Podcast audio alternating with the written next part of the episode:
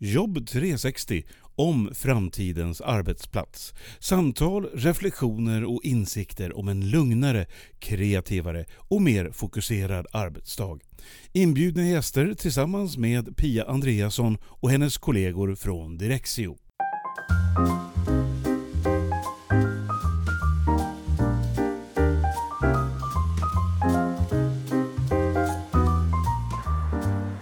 Nu är jag på väg till Stockholmshem och där ska jag träffa Monica Tim.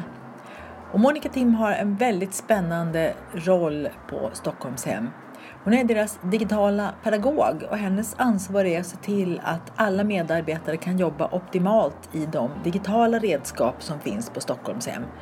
Och det är förstås både mina passioner, Outlook och OneNote som man arbetar i för att hålla koll på sitt dagliga jobb och så, plus förstås deras egna verksamhetssystem. Det jag tycker är extra spännande är att Stockholmshem har just en person som Monica och att de har insett att det är viktigt att ha den här strategin kring digitalt arbetssätt och att alla medarbetare får rätt kunskaper och insikter för att kunna jobba optimalt inom den digitala verkligheten. Så det ska bli jättespännande att höra Monica Tim berätta mer om det här.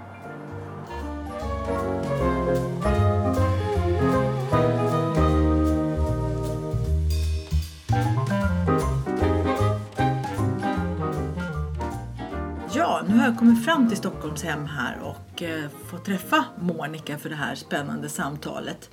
Så jag tänkte vi börjar Monica med att, att du berättar lite grann vem du är och Stockholmshem och vad gör du här och vad har du gjort förut i livet? Jag har jobbat nu på Stockholmshem i nio år ungefär. Och jag kom hit för att någon som jag kände hade hört talas om att jag utbildade och Stockholmshem skulle då få in ett stort nytt system, ett affärssystem. Då. Jag visste knappt vad det var för någonting. Men jag kom hit i alla fall och fick jobbet och eh, utbildade då i den här före detta versionen eh, som vi hade nu av affärssystem. Då. Vi gick i drift för en månad sedan med en helt nytt sånt. Så att jag har överlevt en generation av affärssystem kan man säga. Så inne på min andra här. Min bakgrund är, egentligen utbildad fotograf och eh, info, infomasterutbildning och så. Men har alltid brunnit för det här med utbildning och har även jobbat på Gambro tidigare med utbildningar och eh, webben och det var massa saker. Jag minns jag satt på Gambro och utbildade i människor i Japan via Skype och så. Hur oh, de skulle jobba med. Webb, sin webbplats och sådär. Ja, så det var ett tag sedan. Så det var ganska tidigt ändå tror jag som jag gjorde det. Men det var ju väldigt spännande. Och, och väldigt utmanande ja, också kan man säga. Just det, jag är fortfarande det här att jag när jag utbildar berättar att jag har kurser via Skype så får man ibland, jaha okej, okay, har du det? Som att det är något nytt. Ja. Och jag tänker att ja men det är ju intressant att inte det är mera känt. Så det är roligt att höra att du gjorde det redan ja. för mer än nio år sedan då. Så, oh, ja. ja, det är lite speciellt att göra det. Det jag har upptäckt är att deltagarna behöver inte se varandras ansikten. behöver man ju inte om man inte vill för man stänger ju ibland av bildfunktionen för att, för att spara lite utrymme mm. och sådär, lite bandbredd.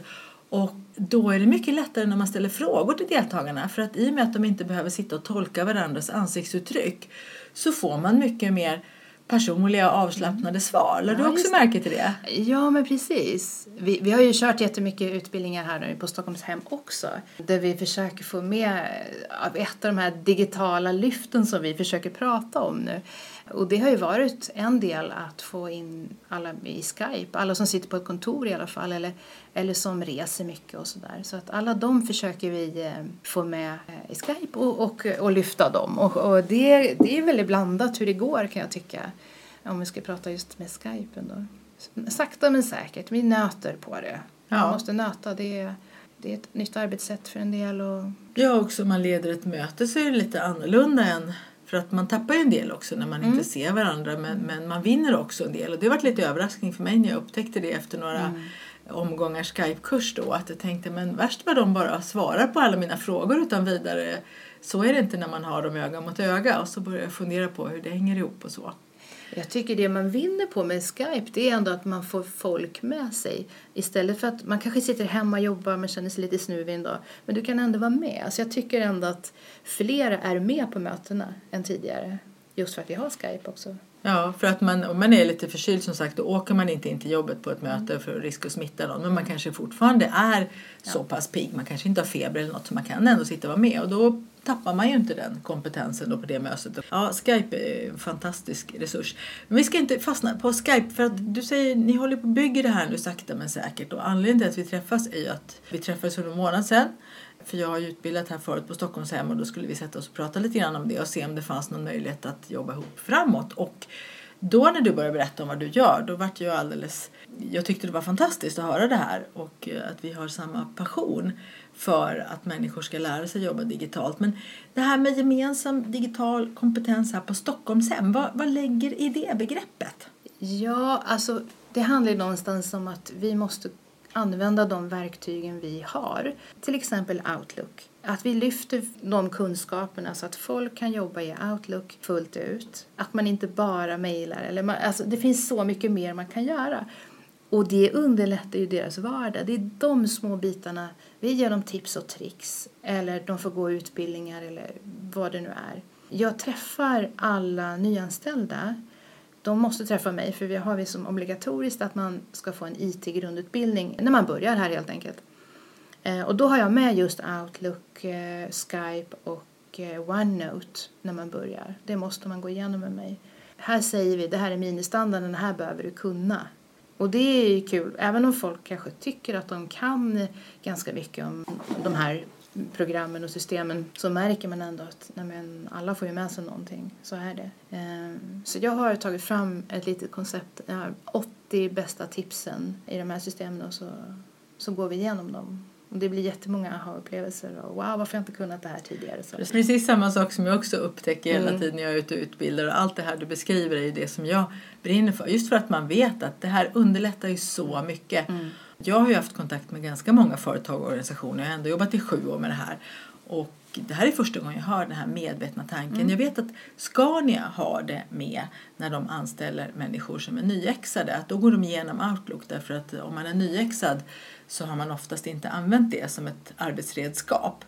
Eh, men jag har också hört talas om eh, ett företag, nu vet jag faktiskt inte vad det heter så det är väl tur det, men där en nyanställd fick en dator i en kartong. Varsågod. Mm. Och sen var det inte mer med det. Mm. Så var det bara att sätta igång den och börja arbeta. Mm. Och eh, då har man ju ingen aning om vad de här personerna kan och behärskar. Och eh, som vi har konstaterat förut, jag och några andra personer i podden, att när man får den här frågan i ett anställningsformulär, kan du Office-paketet? Ja, då kryssar man ja i den rutan förstås, för kryssar man nej så får man ju inte jobbet. Nej, precis. Eh, och det betyder ju ingenting. Mille Bäckman på Telia sa att det kan ju vara den där Excel-kursen man gick i mitten på 90-talet som man mm. tänker på då. Mm. Ja, och man tror man kan också. Sen har det har hänt saker i versionerna som gör att man inte hänger med. Och jag märker även yngre faktiskt, som man tänker att om de kan allt datorer och allt det här. Men ändå så som du säger, de här vanliga programmen, det är inte säkert de kan dem. De kanske massa andra hippa grejer men inte just de här standardprodukterna som vi jobbar med. Ja, och sen också det här man märker människor, det man gör privat med sin dator och, och så när man kommer till jobbet så tappar man helt plötsligt kompetens för då är man ju på mm. jobbet och mm. där tänker man sig inte att man ska använda det här som man kan privat. Vilket ju är fullt möjligt liksom. Att man lagrar filer, man tänker man har olika system och man, man gör skärmdumpar och man gör allt möjligt liksom för att i sin egen vardag så kommer man till jobbet och helt plötsligt så måste man ha någon som berättar för en hur man ska ordna upp sitt, sina filer för att det ska funka. Och oj, fanns det sökfunktion här med? Liksom, precis som på Google. Ja, jo, det finns en uppe i högra rutan överallt. Liksom. Ja, precis. Ja. Ja, det är en stor skillnad. Jag tänker också yngre människor, de kommer hit och tänker, ja men gud, ska man lagra en fil i något filsystem? Varför besöker du inte bara? Man tänker helt annorlunda. Det är liksom digital kompetens, att mötas någonstans. Hur, hur vill vi jobba här och hur ska vi utnyttja de här systemen på bästa sätt så att vi gör vårt bästa jobb? Mm, ja, men det, är, det är högt och lågt och det är nya och äldre. Det är väldigt blandat med kunskaper skulle jag vilja påstå på en arbetsplats. Och sen också tänker jag så här, varför vill man börja jobba på Stockholmshem? Ja, det är ju inte för att man har några gamla system. Det är ju inte kul. Det kan, man ruttnar ju att sitta med och jobba i gamla gråa system liksom. Så man måste ju hänga med också och ha ändå hyfsat senaste versioner och sådär av program. Ja, man har ju inte råd att lagga bara för att man är ett kommunalt bolag utan snarare tvärtom. Ja, precis. Vi vill ju inte tappa kompetenser för att vi eh, skulle vara tråkiga. Liksom. Sen har vi en stor stadsapparat att följa, det är ju, så är det ju. Ibland är det väldigt trögt när man jobbar med staden för att man måste förhålla sig till vissa regler och man är, man är ganska fast ibland. Men eh, man blir också kreativ då. Ja, men Stockholm har ju det här nu att eh, och alla det finns något som heter Digitalt först som går igen i kommunal verksamhet och där befinner ni er också. Mm. Är det en, en del av anledningen till att, att Stockholmshem gör det här? Att du har det här uppdraget? Jag tror från allra första början varför jag fick det här jobbet det var man såg eh, behovet av att ha en intern utbildare. Det är ju det är ganska lyxigt att ha det. Vi har ju sett liksom vinsten av det nu och det är ju fantastiskt. Och alltid kunna liksom hoppa in och köra grundutbildningar eller vad det nu är för Excel, Word, vilka utbildningar som nu behövs. Och alltid vara standby på nya system som kommer och sådär. Ja, för det innebär ju för Stockholmshems del att man att man kan liksom vara först i linjen. Man behöver inte förlita sig på att det finns någon viss kompetensnivå bland medarbetarna eller att det finns någon medarbetare som är extra duktig som, som man kan fråga utan man har satt ribban själv och ser till ja, att det händer. Precis. Ja, men så är det ju. Och, um, du säger du möter olika saker hos medarbetarna, att det är olika nivå och så. Vad, vad, är det du, vad är det du stöter på då? Du har några exempel på lite högt och lågt och så vidare? Några har ju kryssat i att man kan jobba med IT. Eller man tar för givet att någon kommer ut från någon viss typ av skola, att man, man ändå har någon viss kompetens. Men det betyder faktiskt inte att man har det. Jag har ju suttit med nyanställda med Word till exempel. Grundläggande Word-utbildningar. Det här med att hur man eh, formaterar ja, och sådana saker? absolut. Sen har jag såklart personer som är jätteduktiga på pivottabeller men vet inte hur man gör kanske andra saker i systemet eller hur saker hänger ihop. Men det är på väldigt olika nivåer kan jag säga.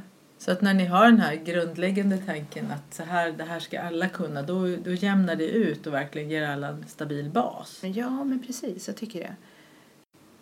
Så, det låter ju lite lyxigt att man kan få sitta med dig en eller två timmar om man behöver det för att lära sig det, det som man behöver användning för i, sitt, i sin arbetsvardag. Men hur gör, har du några fler sätt som du använder när du lär ut de här färdigheterna till medarbetarna? Ja, ett exempel är ju att jag har ett system där jag klickar på datorn och spelar in. Du ofta spelar in en skärmsekvens ja, då, då du visar? Ja. ja, ofta i ett system då. Det kan också vara, man skulle kunna ha video om man vill också, men ofta är det systemet man är ute efter. Och då eh, gör jag e-guide på, på datorn och sen så kan jag mejla ut det eller lägga på intranätet. Och då når man ju alla på en gång och det är ju fantastiskt bra. Plus att man får se på den hur många gånger man vill. Man behöver inte känna sig dum om man inte första fattade första gången utan korta instruktioner. Med, man ser vad man klickar och jag pratar till också. Så det, det kommer jag jobba ännu mer med nu framöver. I det här nya systemet som jag pratar om att vi har precis implementerat, affärssystemet, så är det ju hela tiden nyheter och uppdateringar som sker och, och då tänker jag att då är det som e-guider och så skickar jag ut det så får alla reda på det samtidigt och, och också dessutom får man se hur man gör. Och då har de lärt sig medarbetarna då att det är ett visst nyhetsvärde och en viss finess med att titta på dina uppdateringar då? Så att... Ja, jag håller på lära dem inte annat ja. om de inte redan har upptäckt det. Ja, just det här med att ta stöd av, av mm. inspelade sekvenser och så. Det är ju någonting som jag också använder mig av och det har märkt att det är väldigt viktigt därför att även om alla inte plockar det så vet de att behöver jag det så finns det där. Mm. Ja, men precis. Och det är en trygghet i det. Ja, och jag har märkt också från chefer att ja men vad bra för då kan jag förutsätta att alla kan nu för de kan hämta kunskapen. Ja. Eh, och då kan de inte säga att jag glömde det som sades på den här utbildningen eller jag var inte med eller jag var sjuk utan det finns liksom alltid mm. att hämta. Och Absolut. det är också en stor pedagogisk tillgång för att man får ett mer lugn ja, i inlärningssituationen. Ja, nej, men det, och just personer som jag vet kanske tycker det är lite jobbigt att hänga med på vanliga utbildningar. De uppskattar dem otroligt mycket. För då får de det i sin takt. Ja. Man sätter på paus och så testar man själv. Och så. Precis. Så det är väldigt uppskattat. Superviktigt. Mm. Så den här digitala grundkompetensen som vi ändå gör med alla nyanställda den, den får väldigt bra betyg också när, vi, när jag mäter. Sen har vi ju inte bara våra medarbetare tänker jag. Vi har även hyresgäster som också har en resa att göra. Vi är ju alla åldrar såklart som bor i våra bostäder. Ett exempel där har vi ju alla våra hyresgäster en, en megabit just nu. Så att de får liksom en gratis chans att komma in också i, i den här digitala världen. Vi vill ju att man på vår hemsida ska kunna kommunicera med oss och se sin information och kunna boka saker och så, tvättstugor till exempel. Vi vill ju digitalisera för att underlätta för våra kunder och då behöver vi också hjälpa dem till att de ska få rätt förutsättningar för det. Det där är ju en tanke som många missar. Att Mm. man tänker att vi inför nu det här systemet eller de här programmen och så.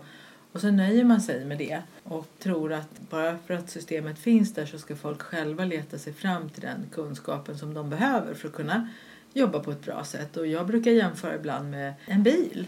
Då är det ju faktiskt inte så att bara för att jag ställer en bil på gatan med nycklarna i så betyder det att nu har alla, alla tillgång till en bil här. Och det skulle vi aldrig heller komma på att göra för att det är ju så självklart att man behöver ha den här grundkompetensen, det här körkortet och öva, öva. Att, att någon också stämmer av att men nu har du tillräckligt mycket kunskaper för att eh, inte riskera att skada dig själv och andra och dessutom kanske helst inte re, repa bilen ens en gång Mm. utan, utan det här kommer att funka.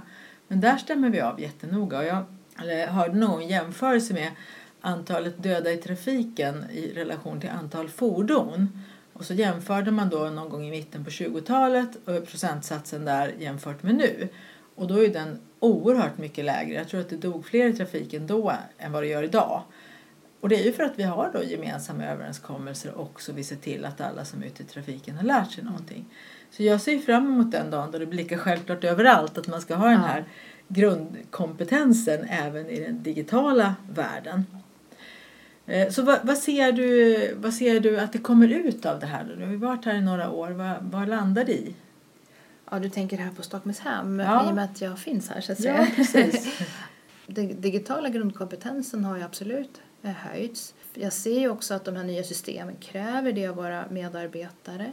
Där får jag ju vara med och utbilda dem i det här nya systemen och så. så att, det finns ju inget bättre än att se när, när man har hållit en utbildning och medarbetare skiner upp och säger ja men nu förstår jag eller åh vad det här kommer underlätta för mig. De kickarna man får i den här rollen tänker jag. Jag älskar när de säger att de har fattat och de, åh vad bra det här blir, vad kul det är. Det är liksom mitt mål att underlätta för våra medarbetare helt enkelt. Göra en bättre vardags arbetsplats liksom. Har det hänt att de har kommit tillbaka till dig sen några kollegor och sagt vet du vad Monica, vi har, vi har tänker så här och så här skulle man kunna göra. Vad tror du, går det att göra? Ja, absolut. Och det är ofta Outlook tycker jag det händer, hamnar i. Och jag skulle vilja kunna göra vad det nu är för någonting. Ja, men, men vi kollar på det. Och sen, ja men så här tror jag att du, ni skulle kunna jobba i framtiden. Eller sätt färg på de här mejlen eller vad det nu kan vara. Liksom. Oftast hittar vi ju ett bra sätt. När man går på en utbildning hos mig tänker jag också, då får man också nya idéer om hur man skulle vilja ha det på sin enhet eller så. Och då kommer man tillbaks till mig och så säger man så här, ja men eh, borde man inte kunna göra på det här sättet? Och så gör vi en lösning på det. Oftast funkar det jättebra. Ja, jag har ju en, en kund där de kom på att de kunde ha ett ärendehanteringssystem bara med hjälp av Outlook. Ja. Eh, och det är ju, då har man kanske en 50-60 saker per månad som ska liksom följas upp och, och rapporteras och då räckte det ju med det. Då var ju de så jättenöjda. Men vad bra, nu tänk om, det här, om vi inte hade vetat det här Pia som du har lärt oss. Då hade vi gått ut och shoppat upp något system som säkert hade kostat pengar. Nu kan vi använda det vi redan har, kostar ingenting. Precis. Eh, Och dessutom har vi ju riggat det själva, vi har makten över det själva, vi har grundkunskaperna så vi kan liksom göra så här och si och så. Mm. Nej, det var jättekul att höra faktiskt. Ja, nej men det, allt behöver inte vara dyrt och, och nytt. Och, ja, nya system, det kan man ju få i knät ibland. Ja, precis. Så här. Jag vet inte hur många jag har stött på som har haft någon Ja. sån här eh, in, infokorg. Eller sån här funktionsbrevlåda brukar det heta när tre, fyra personer ska ansvara för en massa inkommande ärenden. Och det är nästan alltid så att man bara plockar upp den brevlådan bredvid sin andra brevlåda. Och sen vem som tar vilket ärende och hur det förs vidare eh, är inte alltid så tydligt. Så där sitter fyra personer och är osäkra på om de verkligen gör det de ska. Mm. Eh, och sen så blir det ibland så att den mest ambitiösa personen som tycker det här är lite kul hugger på mycket och den bekvämaste personen som kanske tycker att den har annat viktigt att göra gör inte alls lika mycket med den där brevlådan och så kan det bli en orsak att man kanske inte är överens om saker och ting och det, det tycker jag är lite onödigt. Ja, men precis.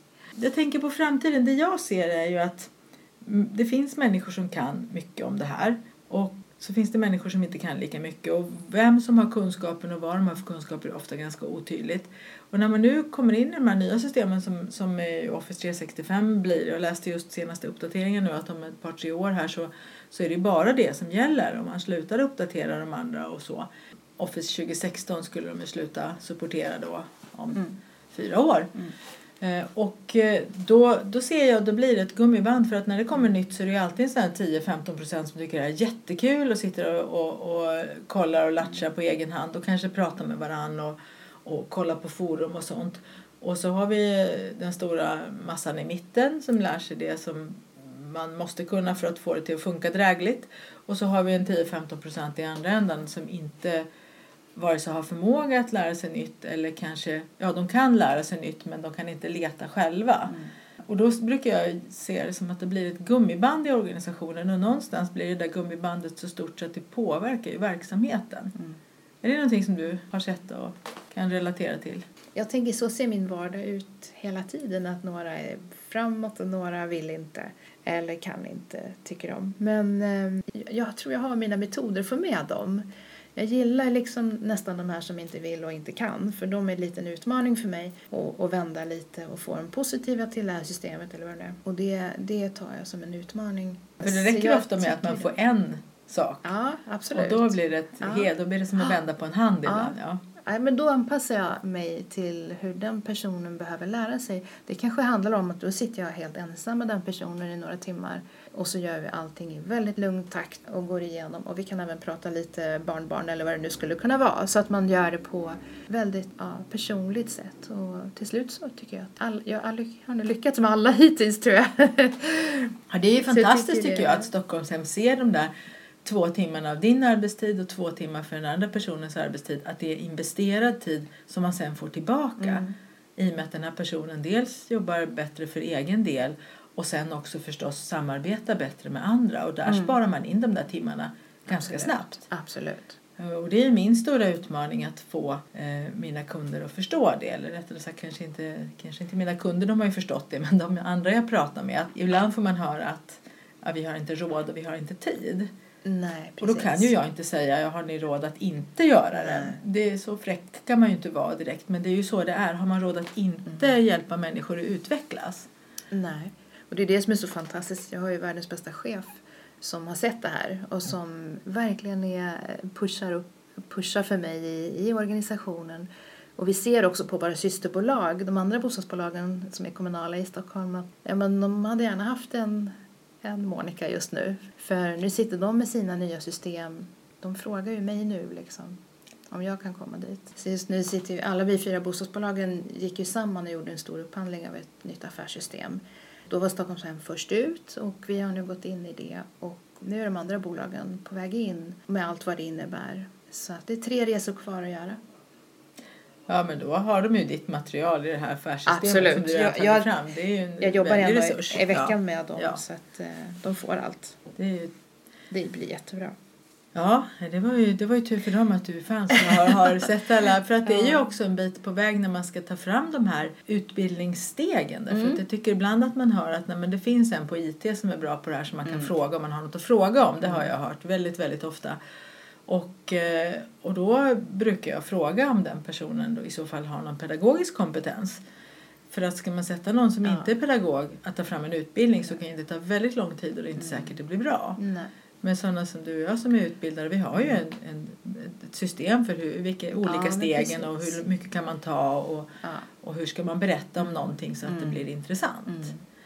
Eh, och det tycker jag är väl så viktigt. Att mm. Det finns många som kan ställa sig och berätta om funktionerna. Mm.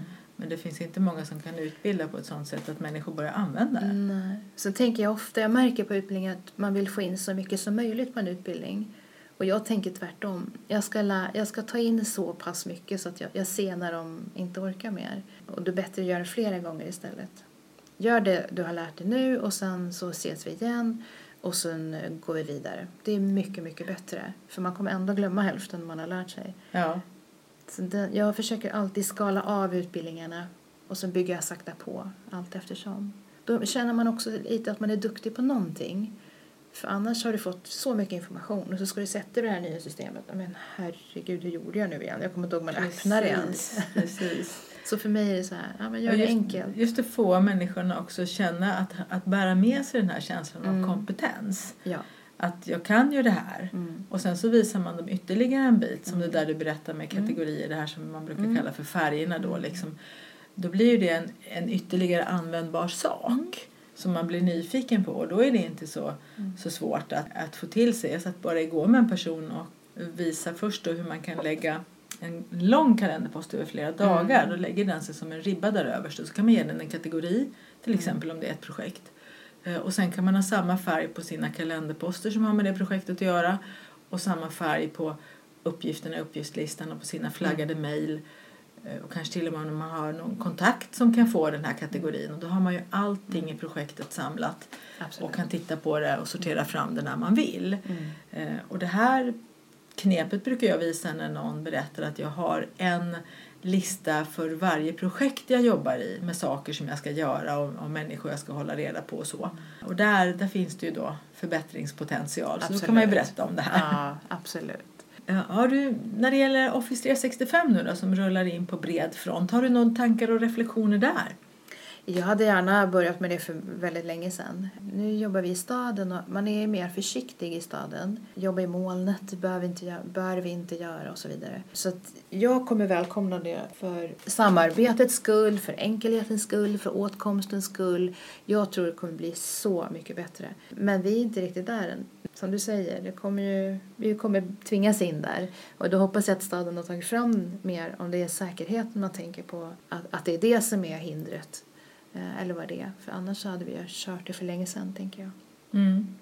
Jag tänker också när, när man hör ibland om att man är tveksam till det. Gustav Monar som jag pratade med här i podden för, för snart ett år sedan. Han sa ju det att det spelar ingen roll för vattnet finner sin väg sa han. Så att om medarbetare i något sammanhang upptäcker att man behöver samarbeta med någon aktör eh, så hittar man förmodligen Slack eller ja, Trello har ju nu, finns ju nu i, i Office också men, men man hittar de där vägarna ändå att samarbeta och vad händer då med sekretessen Nej. och, och sådana saker? Då kan ju Precis. ligga dokument ute både här och där som någon medarbetare har delat och det finns inget hinder för det. Nej. Eh, Fördelen med de här systemen är att man kan sätta spärrar på dem, att de Mm. inte går att dela, att det inte går att göra en skärmdump när ett visst dokument ligger uppe. Man kan koppla på en massa sådana saker som man ju inte alls kan om inte man, om inte man tänker alls på de här sakerna. Så eh, det jag tänker om Office 365 och, och eh, det är ju att jag blir lite förskräckt när jag hör att företag och organisationer som inte överhuvudtaget har varit inne på det här med digital grundkompetens och helt plötsligt så skickar de bara ut Mm. det här. Och eh, bara för någon månad sedan så pratade jag med en person som jag känner som vet vad jag jobbar med och så. Så, så den här personen har jag fått hört lite av och till.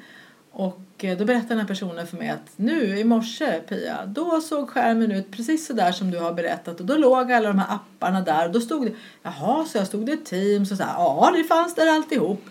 Jaha, ingen hade berättat något? Nej, nej, vi skulle visst få någon information om några månader. Och, eh, och sen sa jag, men hur gjorde du då? då? Ja, jag satt en kvart, 20 minuter och sen hade jag skottat mig tillbaka där jag var dagen innan. Ja, det Så- finns olika sätt att lära sig. Ja, precis. dem. och just det här att det, det kommer något nytt och du, du lägger en kvart, 20 minuter på det och backa. Och det här är en organisation som har några tusen anställda så att Mm. multiplicera det med 15 minuter så hur, hur mycket pengar kostade det Ja. för dem att inte lära människor Mm. någonting? Tog det bara 15 minuter för den personen? Ja precis, det kan, ja precis. Det var ändå en person som var beredd på, i och med att den personen känner mig så hade den Mm. Ja. hört att det här skulle kunna hända. Alltså, de andra hade ju ingen beredskap direkt. Nej.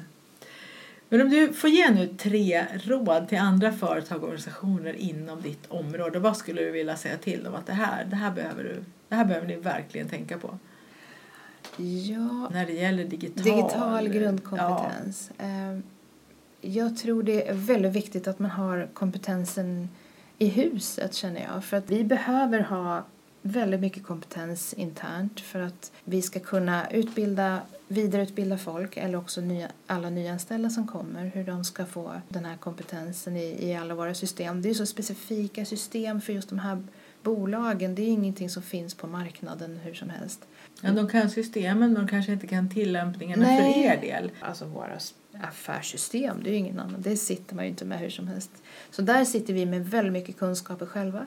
Och den har vi delat upp också då internt. Att vi, vi har något som heter objektspecialister. Eh, det betyder att man är specialist på sin enhet eller avdelning. Om man jobbar på uthyrning till exempel. Hur, hur, hur gör de just där? Hur, så då har vi utbildare eller objektspecialister på plats hela tiden. Så tänker vi.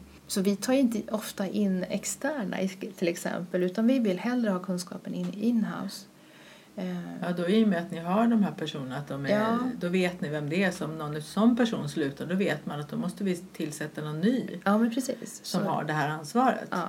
Och det är personer som vi vet är, är också pedagogiska och kommer klara av att utbilda vidare och så vidare. Men också är med och utvecklar systemen eller testar kan det också vara. Så vi, vi bygger på väldigt mycket egen kompetens i huset. Det har liksom varit vår grej tänker jag. Mm. Så första delen är att ha kompetens i huset och Ja. se till att bevara den också Precis. när någon slutar och så. Mm. Mm. Men du sa det här när man utbildar människor att man tar det på deras nivå, det här personliga. Det kanske är någonting som vi behöver skicka Ja, med. men precis. Jag kan ju jämföra med de andra bolagen som jag sitter med nu. precis. Vad de fastnar i, det är just den pedagogiska biten känner jag. Det är, kunskaperna kanske finns men att få ut dem eller få ner dem på, på pränt eller på, på någon slags lathund, det, det är inte självklart hur man, hur man gör det. Utan man behöver ha pedagogisk kunskap för att det här ska bli lyckat, tänker jag. Sen då det sista, sista biten där med led, alltså när ledningen, du sa att du har en bra chef som verkligen promotar det här. Mm. Ja. Är det kanske den tredje biten där som man behöver tänka att ledningen måste ju vara committad i att det här ska göras? Ja, men precis. Min chef brukar säga också att jag har fått skapa min egen roll. Vi har hittat något koncept själva här som, är, som vi tycker håller och det är just att hitta individerna men också ha den här omvärldsbevakningen. Vad händer och hur kan vi, hur kan vi lyfta Stockholmshem med, med det vi får reda på i omvärlden. Och vi ser på väldigt kort sikt men ser också på väldigt långt fram hur vi skulle kunna jobba med digital kompetens. Det tycker jag är häftigt också att man har lyft blicken här på Stockholmshem och jobbar med just digitalisering. Ledning, ledningen också är helt med på noterna liksom på det. Det tycker jag är häftigt. Mm. Jag tänkte det här att ni tänker också på hyresgästerna för att Mm. eh, det det, jag har förstått att det är vanligt att man, att man faktiskt har ett kundperspektiv först. Att man gör det väldigt snyggt och bra och lättåtkomligt för kunderna. Och sen när man tittar på själva företaget eller organisationen så jobbar man inte alls lika, lika digitalt inne i företaget så Mm. som man serverar det för sina kunder eller de Mm. som, som eh, har relation till den här organisationen. Då. Och, eh, jag tänkte på Skatteverket, det är ju faktiskt deklarationstider nu. Jag satt och gjorde min deklaration här i helgen. Och när jag hade fyllt i allting klart då kom det upp en sån här jättefin ruta att Tänk nu på att eh, nu ska du betala här och, för jag fick restskatt och så det här är kontonumret men du kan också swisha. Mm. Och jag tänkte här, wow, kan man swisha? Det var ju, det var ju intressant. Jag fick liksom all information, det var så vänlig ton och Mm. fast när jag skulle betala in en massa pengar så kände jag liksom bara, jag kände mig glad Mm. för att det var så tydligt. Det är fantastiskt. Eh, det är ju jättebra att man har det så utåt sina kunder. Mm. Men sen när man kommer inuti en sån organisation då kan det vara det här gummibandet som vi beskrev Mm. och man har inte alls tänkt att, att göra det lika användarvänligt. För när man eh, lägger in saker i sin Outlook då kommer det inte något vackert stjärnfall där och visar att man har varit duktig eller något sånt utan, utan, eh, utan snarare Nej. någon som säger att man kan ju inte boka ett möte med dig för du är ju upptagen jämt Mm. och, och sådana saker Mm. då. Så just det här med att tänka också på internt, att man gör det lättillgängligt för Mm. medarbetarna. Och det är ju det egentligen som är din roll. Ja, absolut. Du, Jag tänker ofta på det hur, hur alla människor sitter med sina telefoner och datorer och det är så flashiga, coola grejer man har i de här enheterna. Så kommer man till en arbetsplats där liksom alla system är grå och, och liksom tråkiga. Men många bara accepterar det också. Jag tycker det är så här, ibland känner jag att det borde vara lite mer driv i också att faktiskt vilja utveckla eller ha ännu mer användarvänliga system eller vad det nu kan vara. Men det känns som att det är en, man är, har lite annan acceptans på arbetsplatsen än privat kan jag känna. Ja, jag ser ju att när jag ser Outlook på arbetsplatser så ser jag ju alltid bara den här blåa Mm. versionen. Jag tycker den, den är bra, den är okej. Men, eh, men de, de som är coola då i den världen, de har ju bytt till den svarta i så fall. Och så finns det väl en färg till, man kan ha grönt eller vad det är. en ja. Vit. Men, men eh, i, i Office 365 har jag faktiskt tänkt på det. Så där kan man göra massor med olika bakgrunder och så vidare. Så att eh, nå, någonstans har de väl ändå sett, Ja. även Microsoft, att man måste gör, hjälpa människor att anpassa det till vad man själv tycker känns bra. Ja. Och det är ju också ett sätt att äga Mm. sitt, eh, sin digitala miljö på jobbet. Att man Mm. faktiskt får anpassa den och fixa lite mer än själv. Det är så roligt för när folk kommer in i mitt rum så har jag två skärmar och en har jag vänt i stående format och en har jag liggande. Och då tänker folk, nej men har du, varför har du det så? Jo men om jag jobbar i Word så, ser det ju, är det ju stående format oftast. Ja men gud vad smart tänker alla. Man, man tänker liksom inte Men alla skärmar går ju inte att vända heller. Nej. Jag jobbade ju på, på bokförlag för, för länge sedan, det är 15 år Mm. sedan mer nu. Då hade jag en skärm som gick att vända. Jag gjorde precis samma Mm, sak. mm. För jag jobbar ju med, med manus då och sådana saker. Som, ja, Mm. det var ju A4 liksom. Mm. Det var mycket bekvämare att se det på det viset än Mm. att scrolla. Och jag fick också alltid den kommentaren. Va? Mm.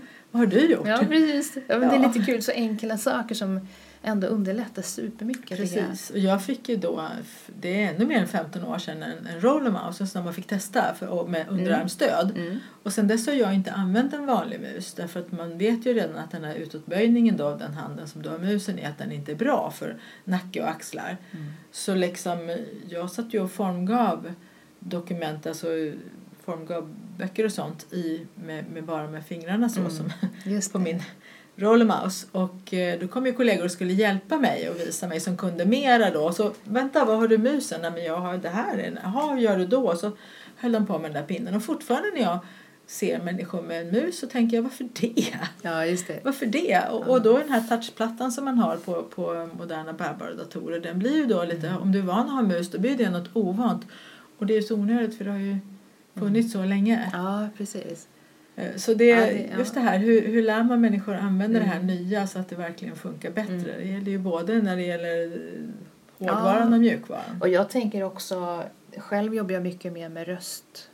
Om jag ska smsa någon då pratar jag oftast in smset eller ska mejla från telefonen då, då trycker jag på eh, mikrofonen Mikrofonen, ja. istället och så pratar jag in. Den får jag också alltid Mm. visa. Och det, är, det enda som är tråkigt är att Siri är fortfarande lite dålig på att stava. Man får ju kolla hennes stavning. Men, Jo, men så är det. men för, det mesta, för det mesta är det rätt. Och det jag tycker Ja. är tråkigast med henne är att hon kan stava till många företagsnamn, även förkortningar. Men hon har ännu inte lärt sig att stava till Direxio fast hon har skrivit det massor med gånger. Ja. Det tycker jag är lite bittert och det finns ju, jag har ju en iPhone så det finns ingen rättstavning där men vi får Ja. se, det kanske kommer så småningom. ja men precis. Men Monica, superintressant att prata med dig om grundläggande och gemensam digital kompetens, mitt Mm. favoritämne. Mm. Så jättemycket tack! Ja, men tack snälla Pia.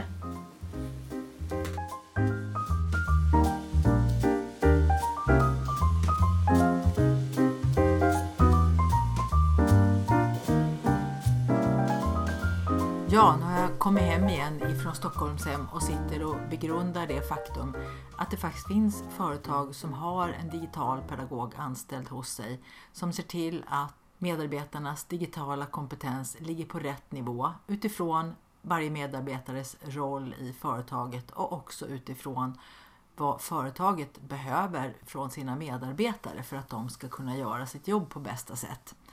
Det här är precis lika viktigt som att se till att alla har en ergonomisk kontorsstol, att ventilationen funkar och att den psykosociala arbetsmiljön också är bra. Så jag är jätteglad att jag har fått prata med Moni Tim om det här. Tack Moni för att du ville dela med dig.